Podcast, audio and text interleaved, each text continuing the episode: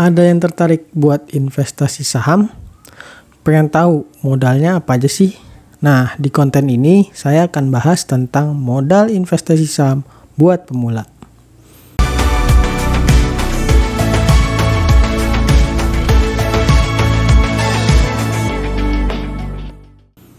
Halo, Aryo di sini ketemu lagi sama saya.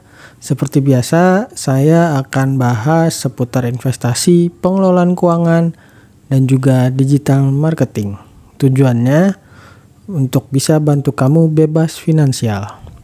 Kali ini saya akan bahas tentang modal investasi saham untuk pemula. Saya akan awali dengan sebuah cerita tentang seorang lelaki yang sukses di dunia saham. Orang itu berasal dari keluarga yang kurang mampu. Bahkan setelah SMA dirinya tidak mampu melanjutkan kuliah karena biaya. Meskipun pada akhirnya dia melanjutkan kuliah juga setelah dirinya bekerja sebagai staf tata usaha di Eversys Express Bank. Pada awalnya berkecimpung dalam dunia saham, dirinya itu mengalami kerugian. Tetapi dengan kerugiannya tersebut membuat lelaki ini mempelajari dunia saham dan semakin lama semakin sukses sebagai investor. Hingga sekarang ini dia dijuluki sebagai Warren Buffett-nya Indonesia dialah Lo Keng Hong.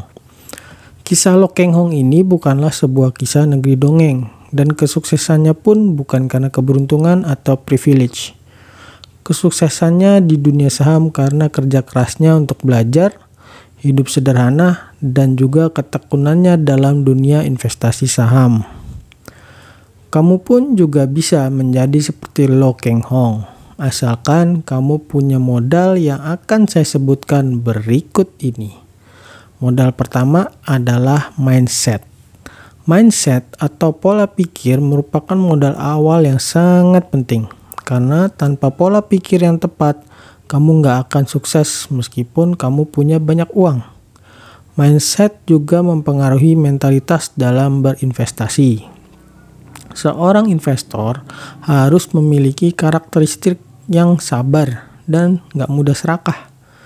Kebanyakan orang yang gagal dalam investasi saham adalah orang yang memiliki mental seperti seorang penjudi yang mudah untuk tergoda dengan berita yang keputusan investasinya pun hanya bermodal ikut-ikutan. Investasi saham tidak bisa seperti itu. Kamu itu harus punya kesabaran dan bahkan punya kekuatan mental tersendiri untuk menahan terpaan isu yang muncul.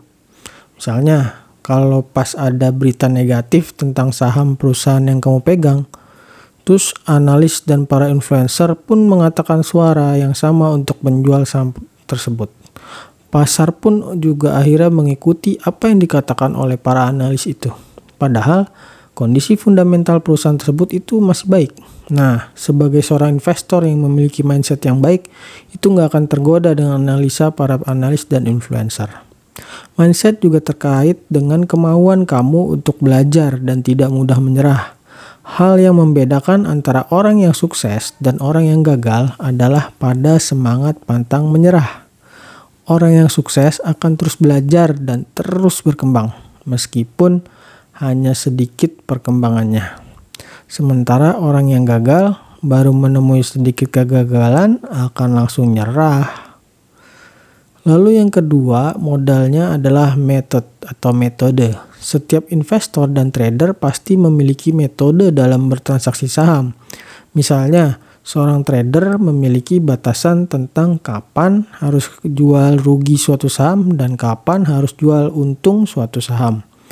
Metode ini merupakan sistem atau aturan tentang kapan harus beli, kapan harus jual, dan saham apa yang akan ditransaksikan. Untuk membuat sistem ini umumnya akan terbentuk dengan sendirinya seiring dengan pengalaman seseorang investor. Namun bukan berarti kamu harus membutuhkan waktu yang lama untuk bisa memiliki metode atau sistem ini kamu bisa met meniru metode investor yang memang sudah ada. Sebagai contoh, cerita awal saya tentang Lo Keng Hong yang bisa kamu tiru dengan itu yaitu metodenya yaitu metode value investing dalam berinvestasi. Modal ketiga adalah money management. Saat baru memulai investasi saham, ya jangan langsung pakai tuh semua uang kamu. Gunain aja uang dengan jumlah sedikit terlebih dahulu. Karena kamu itu nggak akan bisa mengelola uang 1 miliar kalau kamu nggak bisa mengelola uang 100 juta. Dan kamu nggak akan mampu mengelola uang 100 juta kalau kamu nggak mampu mengelola uang 10 juta dari seluruh modal yang kamu punya juga jangan langsung investasi cuma di satu saham. Ingat pesan jangan menaruh telur hanya pada satu keranjang saja. Tapi juga jangan kebanyakan keranjangnya. Money management juga terkait berapa persen uang yang kamu investasikan dan berapa persen uang yang kamu tahan sebagai cash. Yang keempat modalnya adalah waktu. Warren Buffett yang merupakan salah satu orang terkaya di dunia memiliki keunggulan berupa waktu. Karena dalam berinvestasi ada istilahnya bunga berbunga, yaitu kondisi ketika profit yang kamu dapatkan, kamu investasikan kembali, kamu gulung kembali. Bahkan seorang Albert Einstein menyebutnya sebagai keajaiban dunia ke-8. Dan semakin mudah kamu memulai investasi, maka kamu semakin diuntungkan. Yang kelima adalah ya tentu aja uang.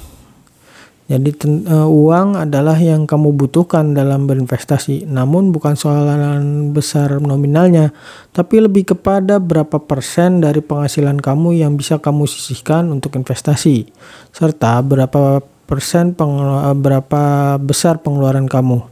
Karena salah satu tujuan utama dari investasi adalah kebebasan finansial dan kebebasan finansial akan dicapai ketika hasil investasi kamu bisa menutupi pengeluaran kamu. Investasi saham memang merupakan investasi yang tidak sederhana. Kamu tuh harus belajar, harus mau belajar, serta mental kamu pun diuji dengan kenaikan dan penurunan harga saham. Namun, investasi saham bukanlah investasi yang membutuhkan modal awal yang besar, sehingga kamu yang bermodal kecil, asalkan mau berkomitmen maka kamu akan mampu sukses dalam berinvestasi saham. Oke, sampai di sini pembahasan tentang modal investasi saham untuk pemula. Sampai jumpa di konten berikutnya. Dah.